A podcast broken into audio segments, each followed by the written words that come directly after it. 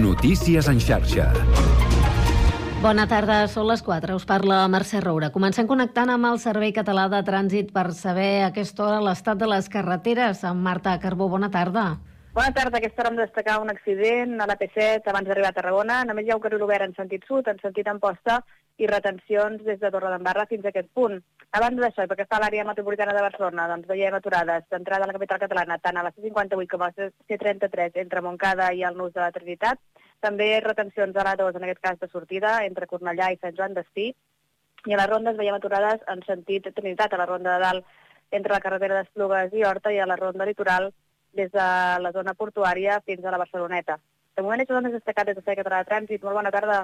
Bona tarda i moltes gràcies, Marta. Continuem endavant i parlem de l'esperat tram de la B40 que ja Olesa de Montserrat amb Vila de Cavalls i que s'ha inaugurat avui després de més de 15 anys d'obres i ajornaments i, a més a més, amb força canvis de calendari. Una infraestructura coneguda com el quart cinturó que acumula molts retards i polèmiques i que comunica el Baix Llobregat i el Vallès Occidental. Escoltem l'alcalde d'Olesa de Montserrat, Jordi Parent, que era present a l'acte. No sabem què passarà amb eh, el flux de vehicles eh, que pugui passar eh, pel mig d'Olesa. Olesa té una, una condició especial, que és que no tenim la connexió feta de la D40 amb el tram de la C55. És una via que hauria d'estar feta des de fa molt de temps, també. Ara just ens han avisat que s'ha iniciat la licitació del constructiu i, per tant, doncs, eh, encara trigarà aquesta connexió i no sabem què passarà amb els vehicles que baixin per la B40 i que puguin accedir just pel mig d'Olesa de Montserrat. Ja us dèiem, una infraestructura que acumula polèmiques. De fet, avui entitats ecologistes contràries han fet sentir la seva veu. I centenars de pagesos, productors de cítrics i l'horta de les Terres de l'Ebre bloquegen des d'avui la Nacional 340, el límit entre Catalunya i el País Valencià, com a protesta per competència deslleial. Han iniciat una marxa lenta de la que estarem molt atents. Parlant encara d'infraestructures i de transport, la Comissió Política per al Transpàs de Rodalies es constituirà finalment dilluns vinent a Barcelona. Serà en una reunió entre la consellera de Territori, Esther Capella, i el ministre de Transports, Òscar Puente, que avui era present precisament a aquesta inauguració de la B40. L'òrgan s'encarregarà de fer un seguiment polític i governamental del desplegament d'aquest traspàs. I la Policia Nacional ha detingut a Saragossa un home presumptament implicat en la mort violent d'un home a Cambrils el passat dia 12 al matí. Els fets es van produir entre Cambrils i Vinyols. Ho continuem informant, tornem amb més notícies en xarxa. Notícies en xarxa. 4 i 3 minuts. Comença el Connectats.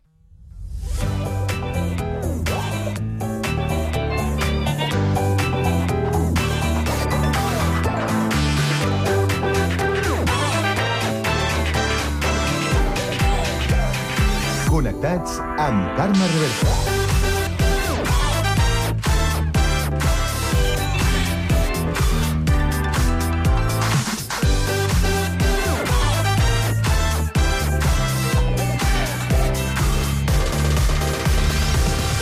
Molt bona tarda, salutacions i benvinguts al magazín de tarda de la xarxa, el Connectats de l'àrea metropolitana de Barcelona, programa que fem i que podeu seguir a través de Ràdio Sant Cugat, Ràdio Sabadell, la Municipal de Terrassa, el Prat Ràdio, Ràdio Ciutat de Badalona i Ràdio Castellà. Una salutació de tot l'equip conduït a la part tècnica per Pablo Palenzuela, Sami Fernández a la producció i d'aquí us parla Carme Reverte. Avui és divendres, per fi divendres, 16 de febrer, i volem saber quin temps ens espera aquesta tarda. Lluís Mi Pérez. Els núvols estan sent els protagonistes aquest divendres i, de fet, déu nhi la pluja que està caient sobretot a la terra ferma, també en alguns indrets de les comarques de Tarragona, especialment a les Terres de l'Ebre. Encara continua plovent en aquesta banda més al sud i més a ponent del país i, en canvi, a les comarques de Barcelona i gran part de les de Girona la pluja és inexistent per bé que sí que arriben força núvols. La temperatura ha baixat una miqueta i la tendència d'aquestes immediates hores és que arribi a ploure també en alguns indrets de la Catalunya central i de les comarques de l'àrea metropolitana de Barcelona, així com a l'interior de Girona, bàsicament cap a la Cerdanya, el Ripollès i també en alguns indrets del sud de la Garrotxa. Poca pluja arribarà fins a la Costa Brava i s'ha de dir que la precipitació que caurà aquesta tarda a les comarques de Barcelona, per exemple, serà minsa. Al cap de setmana ja tindrem moltes més clarianes, temperatura cap amunt i els matins amb algunes boires, sobretot a les comarques del Prepirineu. Us seguirem a la xarxa.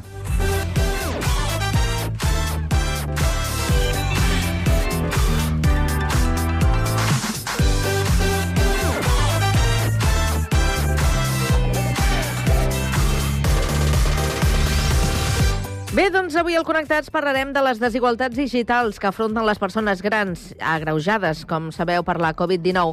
Li preguntarem a la Mireia Fernández Ardèvol, professora dels Estudis de Ciències de la Informació i de la Comunicació de la UOC.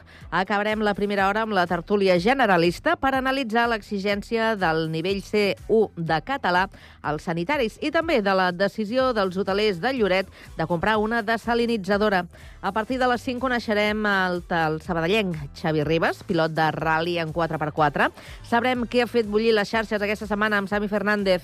Repassarem també les estrenes cinematogràfiques amb el periodista Jordi Guillem i marxarem de cap de setmana amb l'agenda del Connectats. Tot això i més, des d'ara i fins a les 6 de la tarda, a la vostra emissora local. Connectats? Comencem! Kiss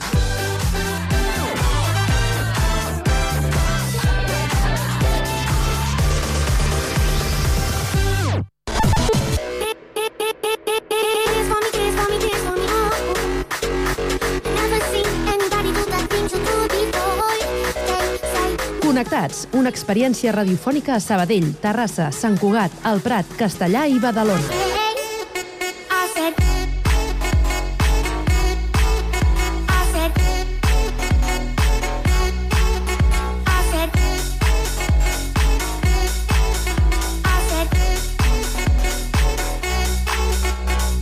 Connectats amb Carme Reverte.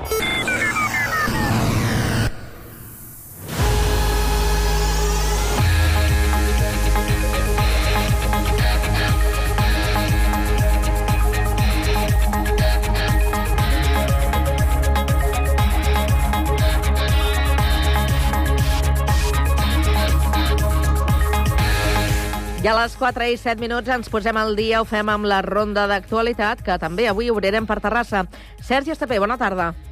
Bona tarda. Generar complicitat i noves aliances entre projectes és l'objectiu de la tercera edició de les cites ràpides que organitza Barri Futur per donar a conèixer les diferents iniciatives i establir possibles col·laboracions entre diferents entitats de la ciutat. L'Ateneu Candela ha estat el lloc escollit per aquestes speed dating que faciliten la interacció per rebre informació de projectes perquè les persones que hi ha darrere es coneguin entre si i així resoldre dubtes d'una manera propera i amena. Barri Futur és un conjunt d'iniciatives socials de l'economia cooperativa i associativa de Terrassa que s'han agrupat per intervenir al territori amb l'objectiu de fomentar i reforçar la creació de xarxes de suport mutu i el teixit econòmic, social i cultural de la ciutat. Actua a barris com Sant Pere, Antic Poble de Sant Pere, Torrent d'en Pere Parres o Centre Nord. Des d'aquesta comunitat urbana de Terrassa ja estan preparant noves edicions que segurament es faran en una altra ubicació de la ciutat per donar-la a conèixer entre el teixit associatiu.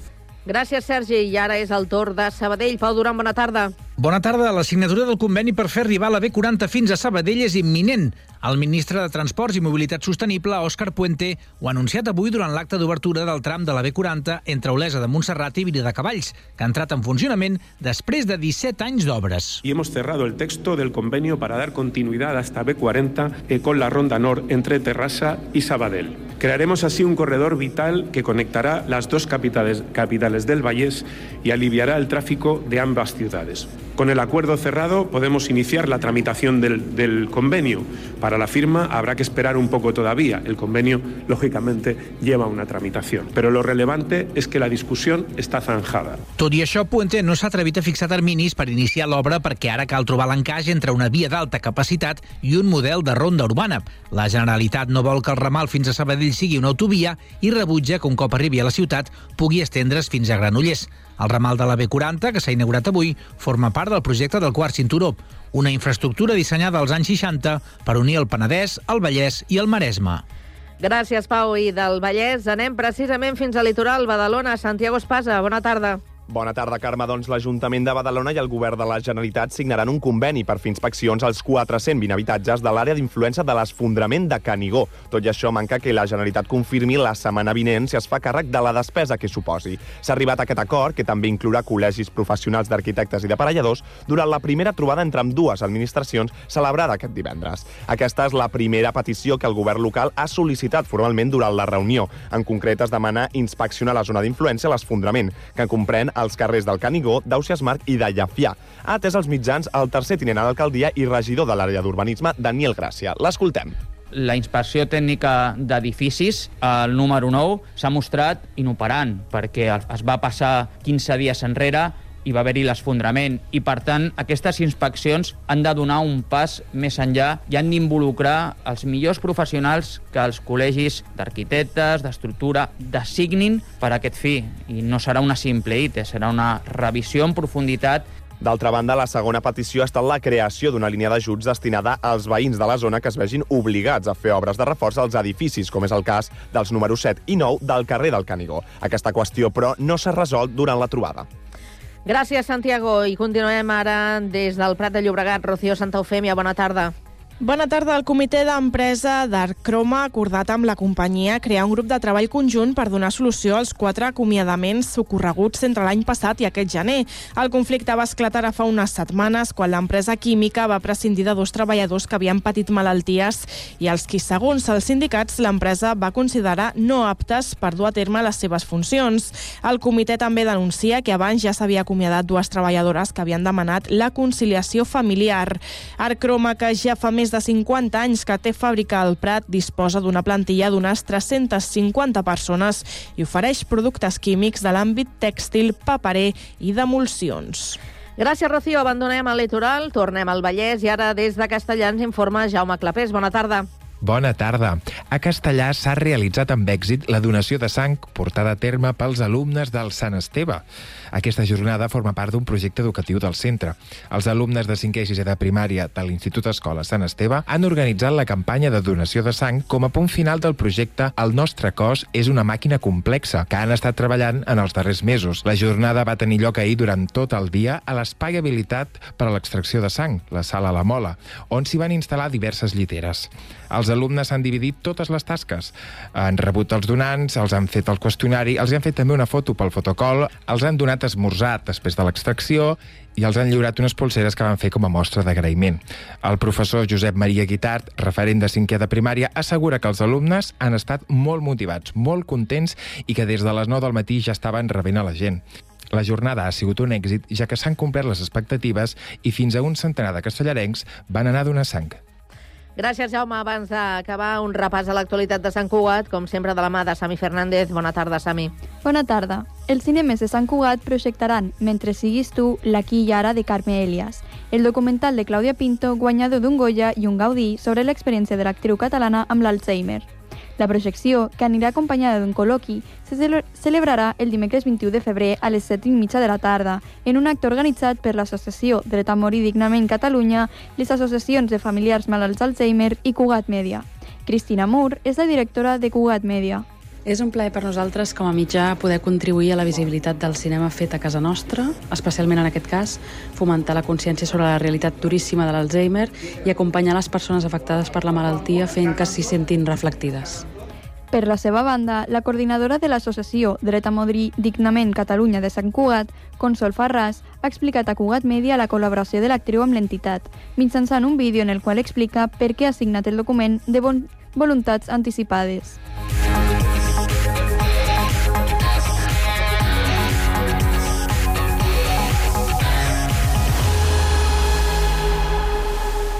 A la tarda, no et desconnectis. A la teva ràdio local, connectats. Can't touch this. Can't touch this.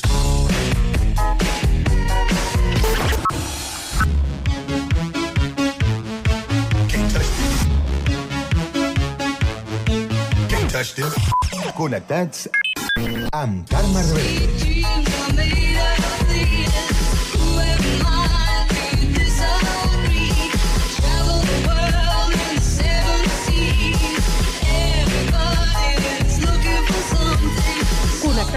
Una experiència radiofònica a Sabadell, Terrassa, Sant Cugat, El Prat, Castellà i Badalona.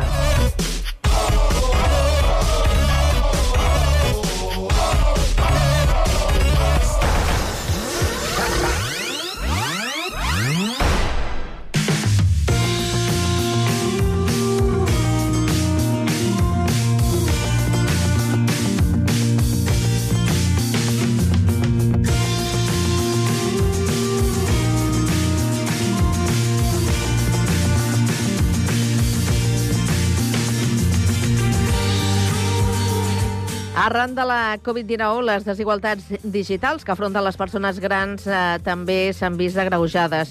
Per tractar sobre aquesta qüestió, avui parlem amb la Mireia Fernández Arrèbol, professora dels Estudis de Ciències de la Informació i de la Comunicació de la UOC i investigadora de l'IN3. Bona tarda.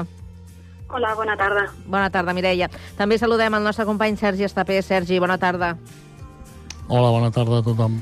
Bé, doncs, eh, d'entrada, Mireia, eh, fins a quin punt diries que és preocupant aquesta mm, bretxa digital que, que afronta la gent gran? Jo crec que és molt preocupant.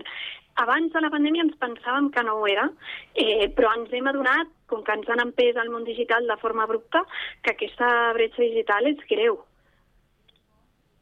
I no s'han pres mesures.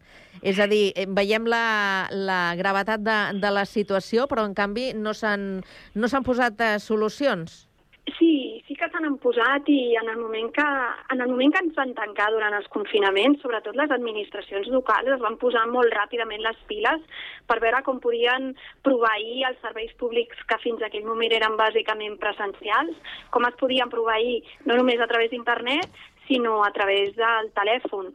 I s'han posat, i s'estan fent mesures i hi ha molta més sensibilitat de la que hi havia. Les polítiques públiques ja parlen de formar a les persones grans en competències digitals, que abans de la pandèmia això era molt estrany, però al meu parer, i això és una de les coses que diem a l'informe que hem fet, formar les persones grans no és l'única solució. Necessitem que tot el sistema estigui preparat per, uh, perquè les persones grans puguin fer ús de les tecnologies digitals i sobretot per tenir canals alternatius, és a dir, presencials o telefònics per prestar aquests serveis. Però per mi hi ha un element clau. Molts entorns digitals s'han dissenyat sense tenir en compte les persones grans. Llavors, ens obliguen a anar online fent servir unes eines que no s'han pensat per nosaltres. Per tant, la culpa no és de qui no té les competències digitals, si em permets dir-ho així, Sí. sinó que la culpa és de qui les ha dissenyat i després ens ha posat en, aquella, en aquelles obligacions. Hi ha, hi ha una intencionalitat en darrere d'aquesta manera de fer? No, en absolut. Eh, el que hi ha és una invisibilitat de les persones grans. És a dir, en molts aspectes, en el moment que et jubiles, desapareixes del mapa, diguem. Mm. Eh, però en el cas de l'entorn digital, del món digital, eh, qui marca les tendències sol ser la gent jove, eh, adolescents, nens, nenes. La cultura digital és una cultura molt jove i els instruments digitals, les aplicacions, els programes digitals, etc., normalment les creen persones que són joves i que, per tant, pensen que el que jo faig ho pot fer qualsevol altre, perquè no fas test d'usuaris amb persones més grans. Llavors, el tema és que la gent gran no la veiem al món digital. Funcionen molts estereotips que ens diuen és que la gent gran no en sap, però més no té ganes d'aprendre a fer anar aquests, aquests, aquestes aplicacions o aquests serveis digitals no vol. Llavors, no les penses, no les inclous. No hi ha un desig d'excloure, però sí que hi ha una conseqüència que és l'exclusió. Mm. No sé si és eh, eh, complicat de- d'establir de, eh, quines són eh, eh, aquestes edats que marquen el, el perfil de persona gran. Hem parlat de jubilats, has parlat de, de, de la població més, més jove, però també hi ha persones grans que a lo millor no estan encara jubilades i no, no sabem en quina, en quina part, en quin segment eh, els hauríem d'incloure. Aquesta és una grandíssima pregunta que no té una resposta única, però això a nivell mundial. Eh? Llavors, eh, Nacions Unides ens diu que persona gran, l'etiqueta de persona gran la podem posar a partir, o la fan servir a nivell de Nacions Unides a partir dels 60 o dels 65. Eh, és molt habitual fer servir aquesta edat simbòlica dels 65 anys, que és aproximadament la data que jubila la gent a Europa, més o menys, està canviant, oficialment està pujant l'edat de jubilació, però la jubilació efectiva és molt abans dels 65 anys a l'estat espanyol, perquè hi ha molta prejubilació.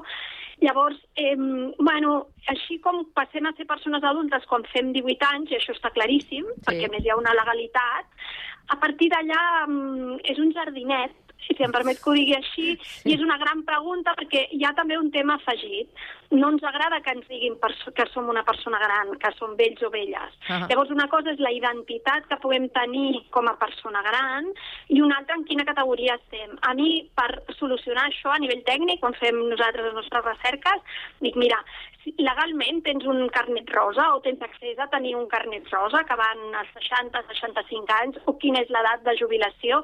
I llavors també ens ajuda molt les estadístiques públiques que, que segmenten els resultats per grups d'edat de 10 anys en 10 anys i llavors tenim un grup que és 55-64, que per mi això no són persones grans, tot i que, que no s'ofengui ningú, Sí. hi ha gent que, hi ha estudis que diuen no, persones grans són a partir del 50 o del 55, d'acord? Hi ha estudis que ho diuen, perquè ja els hi convé així, eh, però oficialment diríem que posem el 60, 65, 65, perquè és on comencen aquestes dades dels segments d'edat més grans. Uh -huh. Sense desig d'ofendre ningú, però bueno, és un tema cronològic aquí. Sí, sí. Mhm. Sergi. Mireia, què tal? Bona Uh, tarda. uh, tot, tot això que estem parlant en part ve per, per aquest informe que, que tu has participat com a investigadora, que és Desigualtat Digital i Bellesa, la bretxa digital que encara cal. Com, com l'heu elaborat, aquest informe? Aquest informe és, és un encàrrec del Consell Assessor de Tecnologia i Ciència del Parlament de Catalunya, del CAPCIT. El seu encàrrec va ser que féssim una panoràmica general de la situació al voltant de la bretxa digital que pateixen les persones grans. I la veritat és que he de dir que estic molt agraïda d'haver rebut aquest encàrrec perquè la bretxa digital fa molts anys que funciona per les persones grans, però fins ara no ens n'havíem fixat. Llavors, en aquest sentit, eh, trobo que aquest encàrrec és molt, molt rellevant en el temps i el que hem fet eh, en aquest cas és revisar dades que ja existien. No hem fet una, una recerca nova, ni molt menys, però sí que és cert que part dels resultats que presentem aquí, part de les reflexions que, que presentem aquí, venen d'una trajectòria de recerca sobre el tema durant uns quants anys. Sí, sí. I, i una cosa, quan, quan parlem de, de bretxa digital, eh, Mhm. clar, tothom s'imagina doncs, eh, doncs una mica internet, telèfons, eh, aplicacions, però, per exemple, eh, jo no sé, eh, ara des de la meva ignorància, per exemple, un caixer automàtic també es pot considerar que, que és una cosa que també a les persones grans els hi costa. Entraria dins d'aquí o no? Mira, t'explico. A les estadístiques no es parla de caixers automàtics. I, de fet, una reflexió que m'agrada fer és que abans de la pandèmia semblava que la bretxa digital no era important perquè no pensàvem en aquests elements, pensàvem en internet, però si tu fas servir WhatsApp ja comptes com a usuari o usuària d'internet. Però fer servir WhatsApp no és fer banca online, ni entrar a la meva salut, ni fer la declaració de renda, que és una obligació que tenim com a persones adultes i ciutadanes d'aquest país de fer cada any. Imagina't els caixers automàtics. Uh, jo crec que el tema dels caixers automàtics li ha sorprès a tota la societat perquè no ens imaginàvem que fossin un problema. Per què? Perquè la gent que no els feia servir tenia com a canal principal de contacte amb els bancs l'oficina presencial. I llavors, quan es dissenyen, jo això normalment ho explico per la banca online, però ho podem aplicar perfectament als caixers automàtics. Quan es dissenyen els caixers automàtics ja se sap que no tothom els farà servir, perquè no tenen un disseny universal. De, la seva usabilitat no és perfecta. T'hi has de veure suficientment bé, has d'entendre bé com va aquell teclat, per tant, tu tenies una oficina on anar a treure diners. Eh, la majoria de la clientela ja no volia entrar a l'oficina a treure diners? Efectivament, però hi ha un segment de la clientela que continua entrant a les oficines, entre d'altres coses, perquè ha d'anar a donar fe de vida. Ha d'anar a dir que, hola, estic viva encara, d'acord? Mhm. eh, I no se'ns acudia que els caixers automàtics podien representar un eix de desigualtat. I ara ho hem patit eh, de forma gairebé sorprenent, diria jo. No, I, per tant, responent a la, teva, a la teva pregunta, no, els caixers automàtics no estan a la manera com habitualment es compta la bretxa digital. Però és una bretxa Mhm. digital. Uh -huh. I afecta més a les dones, la bretxa digital? Sí, sí. Uh, veiem, en edats més joves, en població adulta però no adulta gran, en temes d'accés a internet, la bretxa digital de gènere s'ha tancat. La bretxa digital de gènere va preocupar molt des del començament de la digitalització de les nostres societats. Estem parlant de finals dels anys 90, començament de la dècada dels 2000. La bretxa d'edat preocupava nens i nenes.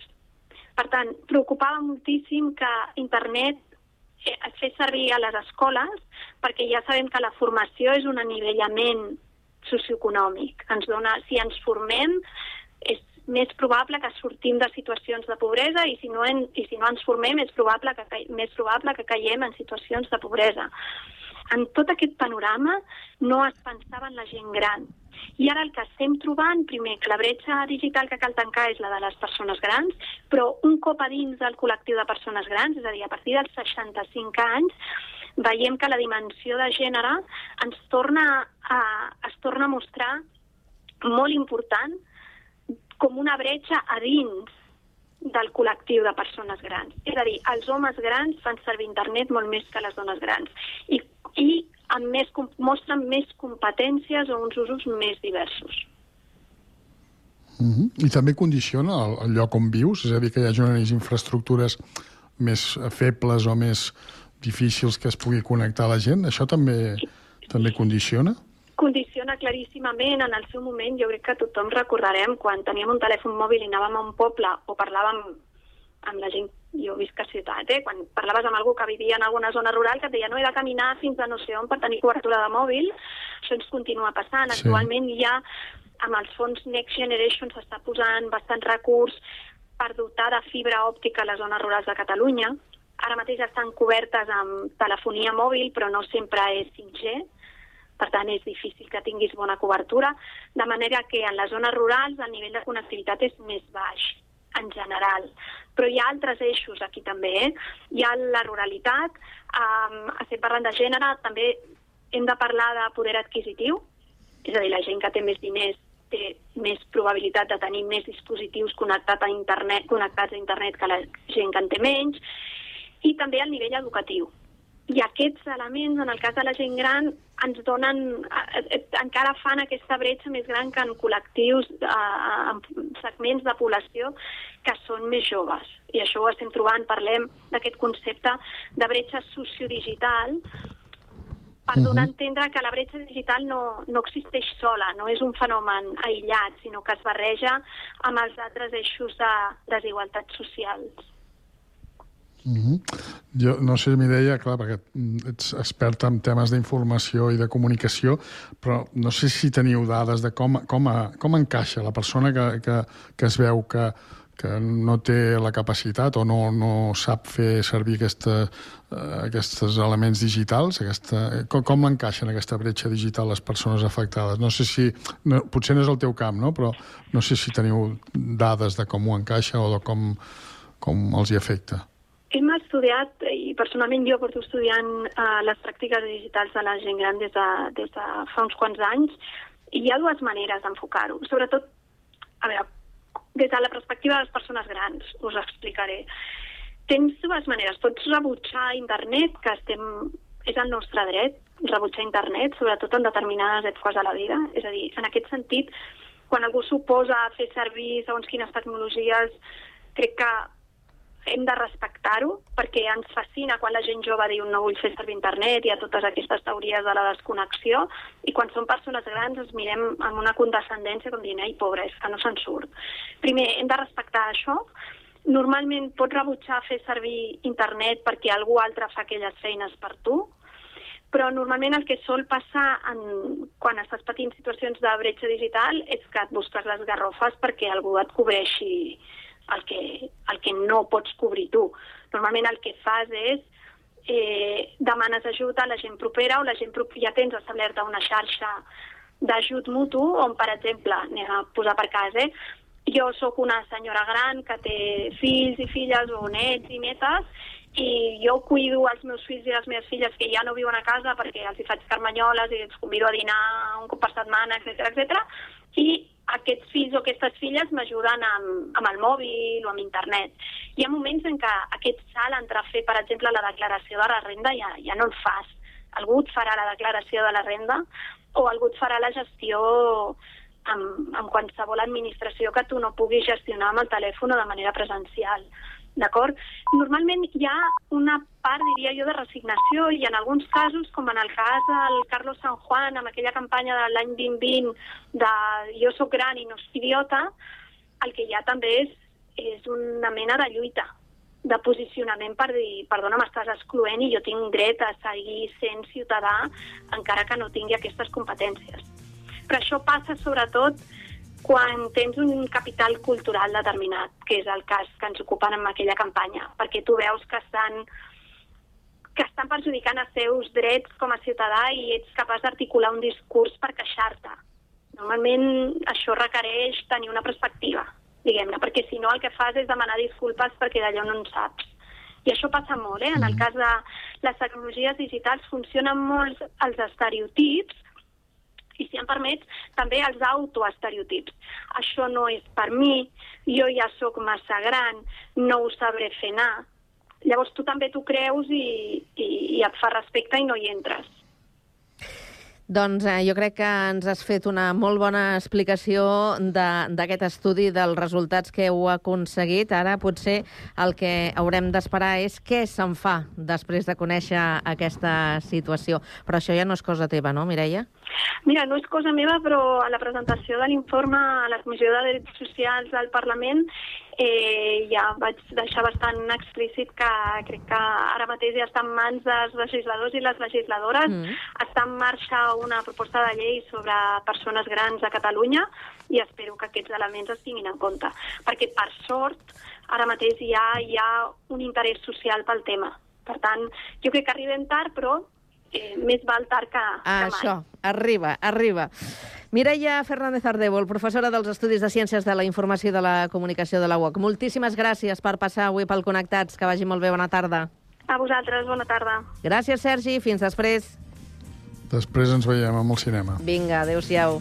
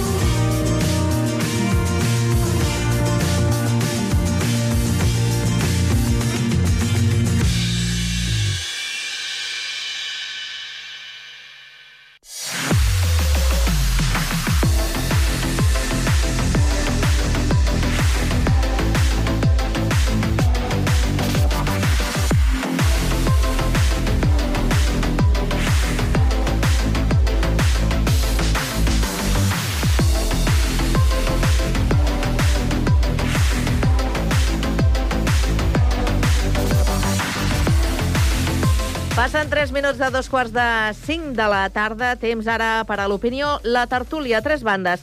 Avui la compartim amb la Marina Domènech, estudiant de Comunicació Audiovisual. Ens espera a Sabadell. Marina, bona tarda. Bona tarda. I benvinguda. Anem ara al Prat. Allà tenim el Pedro Ezcurra, que és escriptor i ex-treballador de banca. Pedro, bona tarda. Bona tarda, com esteu? Molt bé. I a Sant Cugat eh, ens acompanya la Lourdes Dalmau, que és professora llicenciada en Economia i Empresa. Lourdes, bona tarda. Bona tarda a tothom. Molt bé, doncs avui tenim un parell de, de, de temes eh, d'actualitat, eh, com sempre, i m'agradarà saber una mica quina és la vostra opinió. Una té a veure amb el, la qüestió de, de la llengua i, i, i l'atenció dels sanitaris cap a la, cap a la població, i és que la Generalitat oferirà uns cursos gratuïts per garantir un bon nivell de, de català entre els professionals sanitaris.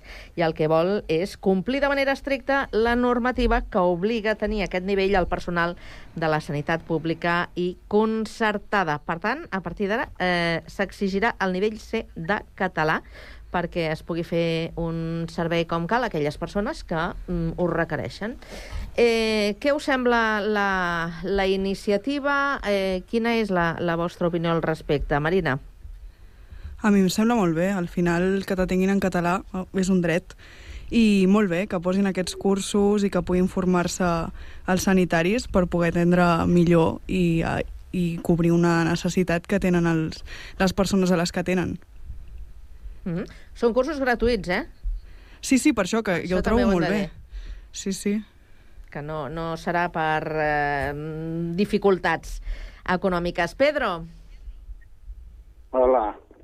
Ja, pues jo em sembla que dis discrepo una mica, perquè jo crec que no cal que siguin gratuïts, sinó que haurien de pagar perquè els senyors sanitaris facin aquest curs. No sé si heu dedicat una estona a veure el que representa el C1, que ja passaria, és obligatori ara, mm. això no cal que diguin que... Mm.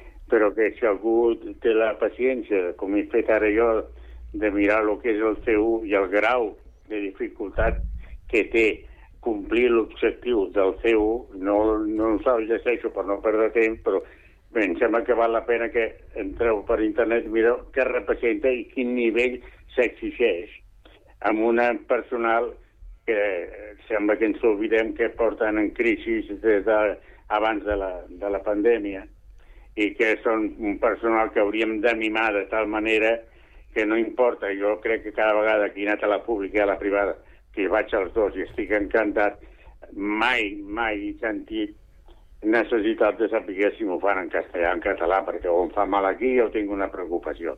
Per tant, el que diu el conseller, que diu que cada dia se li queixa un senyor perquè no la tenen en català, jo m'agradaria que em digués quantes vegades se li queixen per les demores, pels temps de, de, de, de, que es necessita per, per prestar els serveis. Doncs sí, em sembla que és una tonteria com una casa ara apretar amb aquest sector que té tantes dificultats i que estan emigrant cap a Europa perquè els, els hi paguen molt millor que ara tinguin que entrar en un C1. Jo no sabia el que era el C1, perquè jo a la meva edat no vaig poder aprendre català, però em sembla que no tinc dificultats, ja se'm nota. I amb els matisos capaç... Però, bueno, si ara fi, a mi em fan aprovar el C1, és que eh, m'estimaria més aprendre un curs de nivell 2 fora d'anglès, no? Perquè el que exigeix el C1, jo voldria que ho llegíssiu amb calma. i Si vols, us ho llegiré, No, sí, però sí, bueno, jo sóc conscient eh, del que s'exigeix al C1. Els meus pares no tenien el C1 i el, necessiten, el necessitaven per treballar i els dos se l'han tret. Jo entenc que si vens de fora ha de ser més difícil perquè és un idioma nou, però al final Clar. és una llengua. I parlar i escriure bé una llengua jo crec que és necessari. Sí, però, I si, més si perdoneu, estàs eh? de cara al Però, públic. Perdona una cosa, jo ara vaig a fer una mica de... de, hem, tingut durant 20 anys un argentí que s'ha fet milionari a Barcelona, que es deia Messi, i que l'únic que Mhm. va, li vaig sentir de, de parlar català era vist al Barça. Sí. Per tant, no siguem Sí, hipòcrites. sí, i això és greu, és igual no de greu, sí. La gent que aprengui el català, però el C1, als sanitaris, se'ls hauria de bonificar per fer el curs, no gratuït.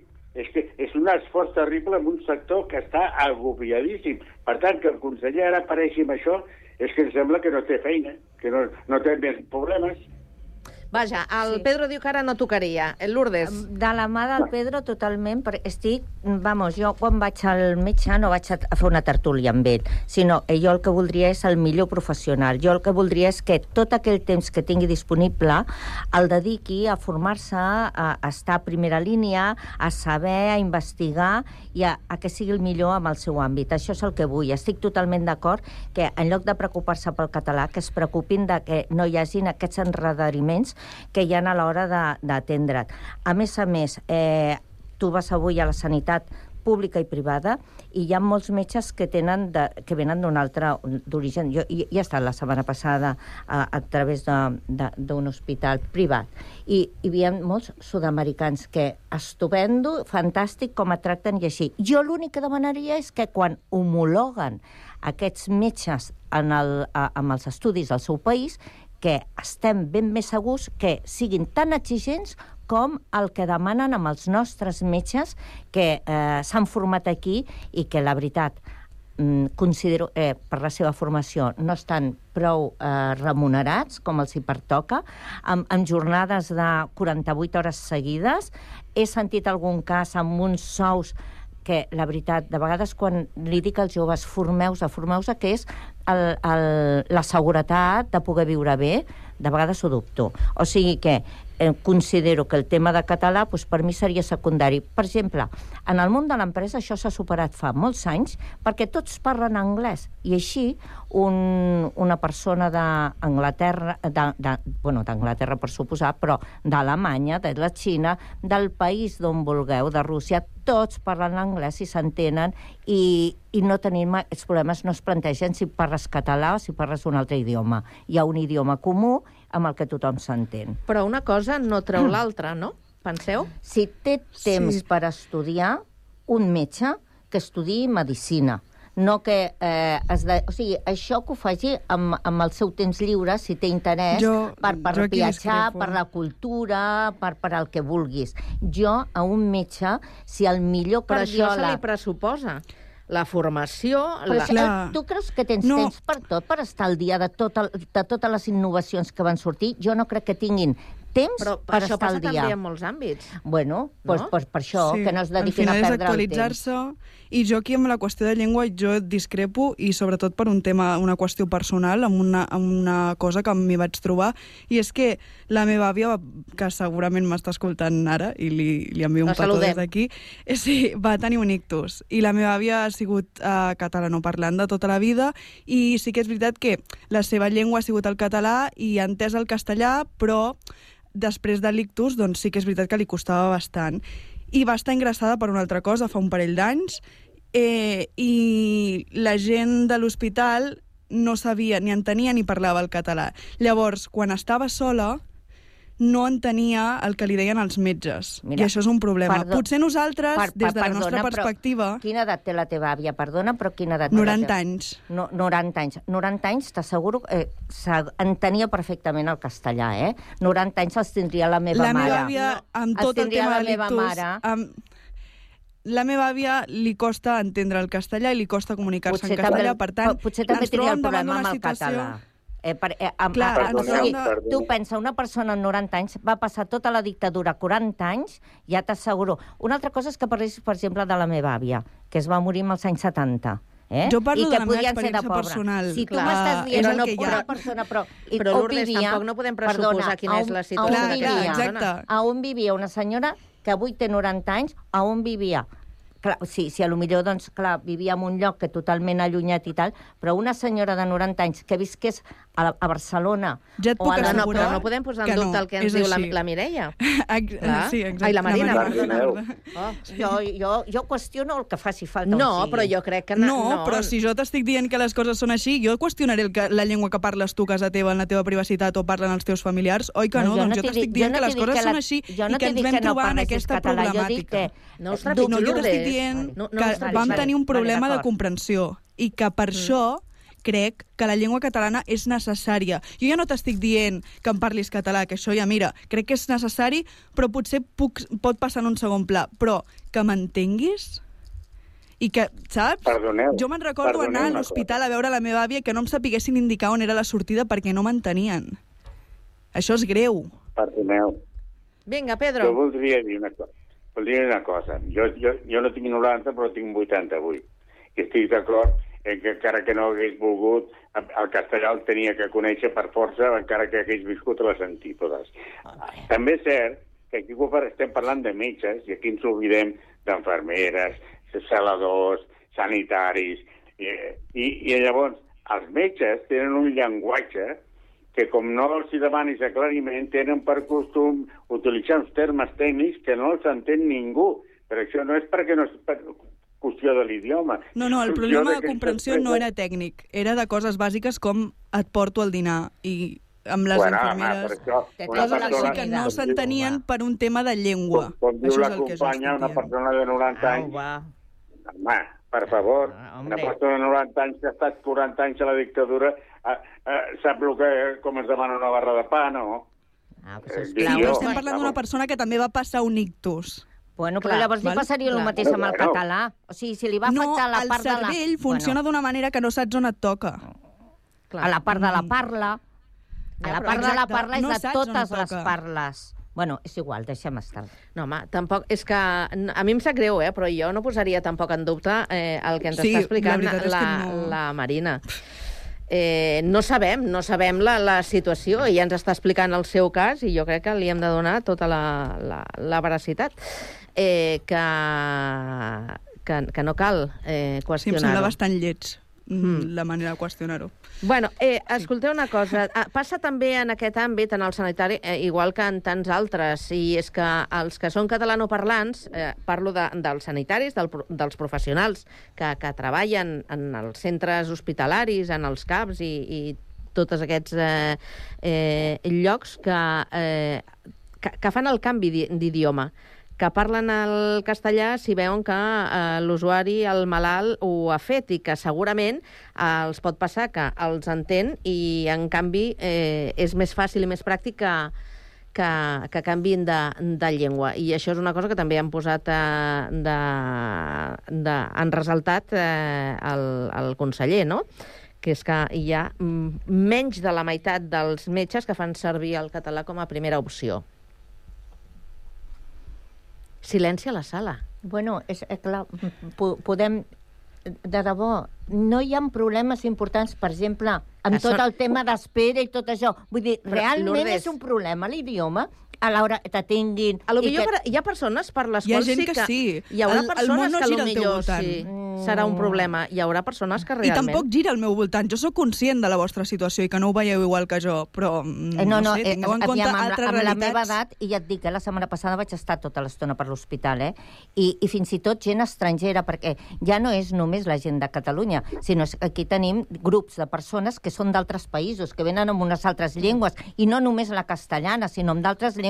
Per tant, eh, aviam, per mi el, el, no crec que sigui un problema la llengua a l'hora dels hospitals. No ho és un problema. No ho és. Per tu. No, per, per mi i en general. Jo no estic parlant només per mi, sinó jo parlo en temes eh, generals. Eh? Una, una, per mi, des de luego, no ho és. I en temes generals, tampoc. Mira, aquí fa poc a, a Sant Cugat hi va haver un cas que es va denunciar a través de, de les xarxes i crec que era en un centre, no sé si concertat eh, o privat, diria que no era. Eh, i, I un usuari doncs, va posar de, de manifest que, que la persona, el, el professional que l'estava atenent, no volia no volia, no és que no entengués, és que no volia expressar-se en, en, en català. Bueno, eh, aviam, tenim dues llengües d'ús a Espanya. Si aquesta persona se sentia més de gust parlant el castellà i l'altre l'entenia, per què no ho podia fer? És, No, no, no però és, no, no, però és O- que o exigia, exigia a l'usuari exigia a l'usuari que, eh, que, li, que, li, que es manifestés en, en castellà. Era Això és una cosa que no passa. l'entenia. Potser tu no t'ha passat, i però això és una i cosa això que ha passat, passa. eh? Això ha passat, Lourdes. Eh, un cas. Un cas o entre més. No, més d'un. Per això estan fent els cursos de A- català, a- perquè ha aviam, passat... O sigui, no, és que s'hagi queixat una sisplau, persona... Eh, no em vingueu amb històries, eh? Que tinc una edat, eh? I tu tampoc No, em vinguis amb històries no, de mi, home, eh? Que jo no. també... Jo tinc molt poca edat, però jo també he viscut coses, que tinc una eh? experiència, que no, que Bueno, no em vingueu amb històries. però això no et fa tenir més raó que jo, molta- eh? No, les sensibilitats, No, no. totes aquestes Sí, històries. bueno. Escolta'm una cosa, aleshores què diem? Que fa 40 anys, quan eh, només es parlava el castellà de manera oficial, la gent no s'entenia i es moria perquè no es podia expressar? No, però no tenien Vale. el dret de parlar i expressar-se i vale, fer no tenia el i fer dret, cultura però en català. no hi havia un problema de sanitat per no poder-se expressar en un idioma o un altre. Expressar-se Jo, i ser entès en el teu Bueno, idioma és- és, un és dret. igual, jo no vull Punto. discutir Pedro. més. Tu. Jo eh, continuo insistint, posar-vos a la pell d'una infermera Clar. que està guanyant i treballant les hores, que té, sap que si va a l'estranger cobra el doble, que, eh, que té que conciliar la vida familiar amb uns torns terribles, i llavors dieu-li, ara vine aquí, jo et llegiré el C1, i tu i jo serem feliços estudiant el C1. Per Pedro, favor, però, entreu a veure el que és el C1, Sí. i veureu com... Sé que no és el amb tinc un actor- seu, sí. Però, Pedro, Sé No podem Jo- jo el aquest C2, actor jo tinc el apretar-los C2. més. Però escolteu, escolteu una cosa. Si els professionals que aquí no es poden guanyar la vida se'n van a l'estranger, eh, en quin idioma parlaran? Pues amb el Els que deixaran toqui. fer-ho tot en castellà? O s'hauran Depèn d'adaptar? on estiguin. Depèn on Si van a. Alemanya, si van a Alemanya hauran d'aprendre l'alemany. Bueno, però és una Sí, acció voluntària, i si ells se'n van, lògicament, és una acció voluntària d'aquella persona, i si no doncs de la tornaran... mateixa manera que algú Bueno, que voluntària. decideix treballar Sí. a Catalunya. És que si no troben feina També aquí, és voluntari, voluntari... no?, que Ah, se'n ah. vagin a Madrid. A Madrid no els hi demanen el català, Ai, que se'n vagin favor, a Madrid. eh, això mateix, que, Perdoneu, que un senyor de Madrid, no, un metge de. Madrid no pugui venir aquí, A a, treballar. si ens aquí estem en, arribant. ens ofegarem en un got d'aigua. Ja veureu. Però, perdoneu una tema, cosa. canviant- em posa nerviosa. Aquí, no, un, un moment. Aquí a Catalunya tenim dos llengües oficials, sí. castellà i català, Clar. doncs ja està, ho Clar. tenim resolt. No tenim Doncs una llengua com a hauria de en tenim poder dos. Parlar català i que l'entenguin, no? Bueno, doncs aquí, aquí tothom té dos llengües i cadascú tria la que vol. I cap conseller ha de dedicar Ja, un però és minut que hi ha una problemàtica perdre- de que hi ha gent que no et deixa expressar-te eh, expressar-se en a català a la consulta Mm. i que no t'entenen perquè no que jo- tenen el nivell. Jo no he vist mai aquest, jo no he vist mai aquest Val, problema. tu no, però que- jo conec a gent que sí, a mi m'ha passat, sí. a la meva àvia m'ha passat, Bueno, li ha ja, passat, ja, que clar. tu no t'hagi Sí, passat per no això- vol dir que a la gent no li hagi passat. Això no s'ha implementat perquè hi hagi una sola queixa, és perquè s'ha queixat Per més d'una sí. persona. No, és política, amiga. Per això us S'ha implementat perquè és política, Tot no és una altra política. història, no és un problema. És política, és, És real, és política. política, és I realitat. és una realitat. Clar, és que una cosa no treu l'altra, que és el que estàvem eh, explicant també Que les també coses abans. siguin polítiques no vol dir que estiguin malament. Al final, hi ha gent que té aquest problema. Tu no el tens, enhorabona. Perfecte. Estupendo. Us sembla que canviem, sí. canviem de tema perquè parlem d'un altre Sí. problema? Que, clar, si a Lloret aquest estiu les piscines no es poden omplir, doncs eh, malament pel, pel negoci de, dels eh, hotelers. Què han fet? Tirar pel dret? No, no, tirar pel dret no. Sembla que han fet el mateix que han fet a Begur, no, no sé, un poble més amunt, que també han posat una desaladora i que aleshores eh, ells han demanat al mateix lloc no sé si algun, si és el del País Valencià, algun, que els hi van proporcio- proporcionar aquesta desaladora. El que passa és que han de complir un conjunt de requisits, perquè això sí, l'Agència Catalana de l'ACA, mm. d'igual manera, si vols fer un pou, et posa tot un conjunt de restriccions i fins i tot un comptador perquè paguis, també. Eh? I aleshores el que volen és limitar i no sé quantes històries, perquè, clar, si es fa tanta salmorra... Sí, tenim, tenim, tenim públic. Eh? Lourdes. Nenes boníssimes. Uh, però eh, això sembla, que dic, s'ha tirat pel dret perquè efectivament eh, han decidit el gremi comprar una desalinitzadora per poder omplir les eh, piscines eh, a, aquest estiu de cara al, al negoci, però això de moment sembla que no té el vistiplau de, del govern. Sem sembla que l'han de donar... Eh, jo, em pre jo et pregunto una cosa a tu mateixa. Quin és el problema que tenim avui? Que hi hagi desaladores o que hi ha, no, No, hi hagi no, no. manca d'aigua? Exacte. Vale? Manca d'aigua. Sí, sí. I, a més, tot el sector turístic de Lloret, eh, que viu de, del sector turístic, i què volem? Que tanquin tots aquells negocis? Vull dir, el que han de fer és facilitar-los. I, i han de fer alguna cosa més. Aquest govern que tenim s'hauria de moure les piles i en lloc de sempre anar posant restriccions i problemes i no arreglar les canonades que hi han escapant aigua per tot arreu, posar solucions i no dedicar-se a perdre el temps i històries Els d'aquestes. empresaris són els que han posat aquesta solució. Clar. Eh, Clar. Què, què us sembla, Marina? Home, jo crec que sí que és veritat que tot el tema de la desalinitzadora doncs, pot anar bé i està guai, però bueno, és això, que col·laborin perquè al final hi ha, molt, hi ha la resta d'aigua que no faran servir i que, i que vagi a la, a la xarxa municipal a mi em sembla bastant bé. Ho han ofert. Ells Sí. ho han ofert sí, sí, de... això està bé, sí, sí, em sembla bé que s'arribi a un acord. Uh -huh. Pedro? Mm, home, aquí hi ha dos temes. Un és el tema de l'aigua i del canvi climàtic i de la sequera, que aquest és el sèrio, l'important, i que no afecta només als senyors de Lloret, sinó que afecta als pagesos i afecta a tothom, i afectarà pues, als que no van, són turistes però que tinguin piscina, que tinguin que dutxar-se a hores, fi, a hores fixes, com en fèiem quan érem petits, que també teníem restriccions d'aigua. Però el cuidado, el turisme vindrà igual perquè ve pel sol, i si, i si no té una piscina, pues es dutxarà.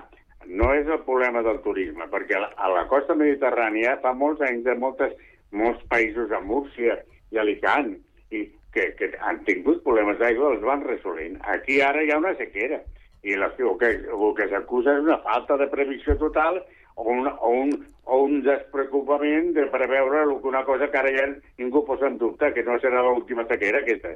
Està clar que el canvi climàtic és el problema.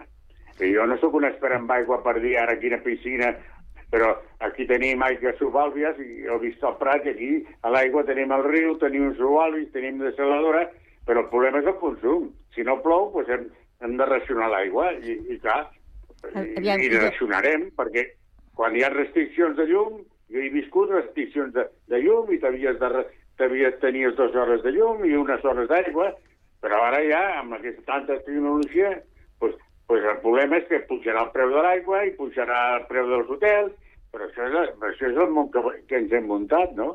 I a Bueno. més a més afegit per, pel canvi climàtic. Vinga, el canvi climàtic està aquí. Sí, m'agradaria dir que, evidentment, no discuteixo que hi ha un canvi climàtic, però també us haig de recordar que probablement molts, almenys els de la meva edat, sempre havíem estudiat allò de les eh, pertinaz sequia. La pertinaz sequia es anava Sí. produint de manera repetitiva i que per això es van dedicar a fer pantans i els típics pantans de l'època franquista.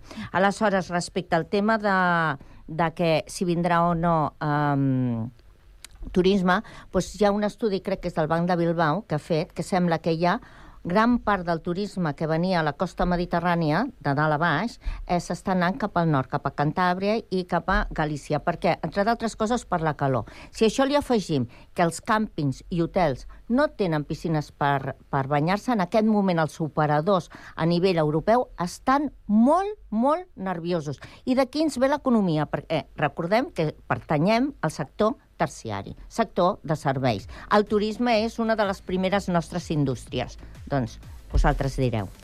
Bé, doncs la polèmica està servida, perquè igualment el fet que tinguin una desaladora i puguin eh, desalar l'aigua i omplir les bo. piscines podrà ser bo, però és que no es poden omplir piscines, que aquesta és la norma per tots. No, sembla, la norma és diferent. L'han canviat? La nor no, no l'han canviat. La norma diu que no es poden utilitzar aigua del corrent per omplir piscines. Ara, si tu et fas Si el tractament de l'aigua, Mm. l'aigua ja no és de la xarxa.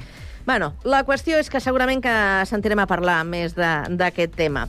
Marina, Pedro, Lourdes, que tingueu una molt bona tarda i un bon cap de Una setmana. abraçada. Sento, Marina, bon si cap he parlat amb un to inapropiat, eh? No és la meva voluntat.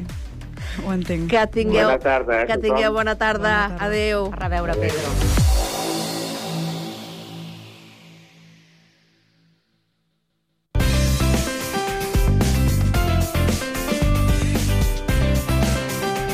Ràdio Sant Cugat, Cugat Mèdia, 91.5 FM. A Ràdio Sant Cugat gaudim de la música. Gaudeix-la amb nosaltres.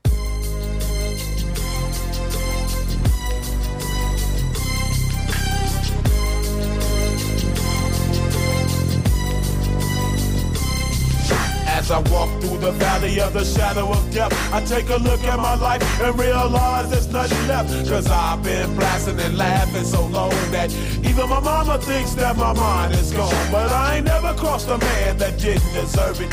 Me be treated like a punk, you know that's unheard of. You better watch how you're talking and where you're walking, or you and your homies might be lying in chalk. I really hate the trip, but I gotta low.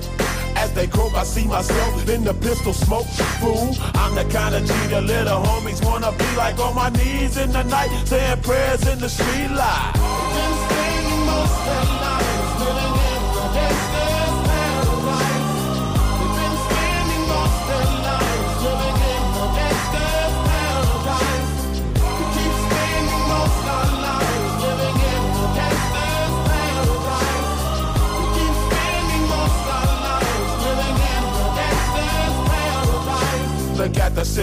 situation they got me facing.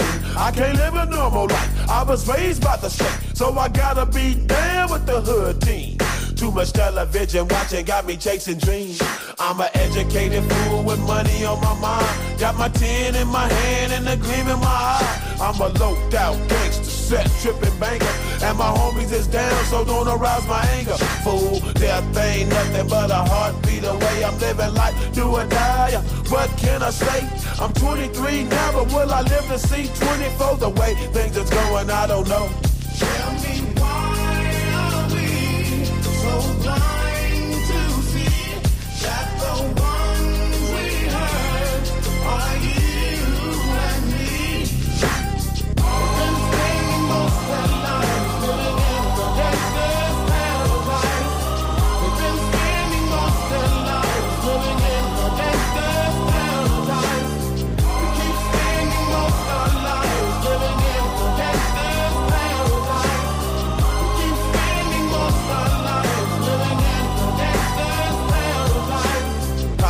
and the money, money and the power. Minute after minute, hour after hour. Everybody's running, but half of them ain't looking what's going on in the kitchen. But I don't know what's cooking. They say I got to learn, but nobody's here to teach me. If they can't understand it, how can they reach me? Ràdio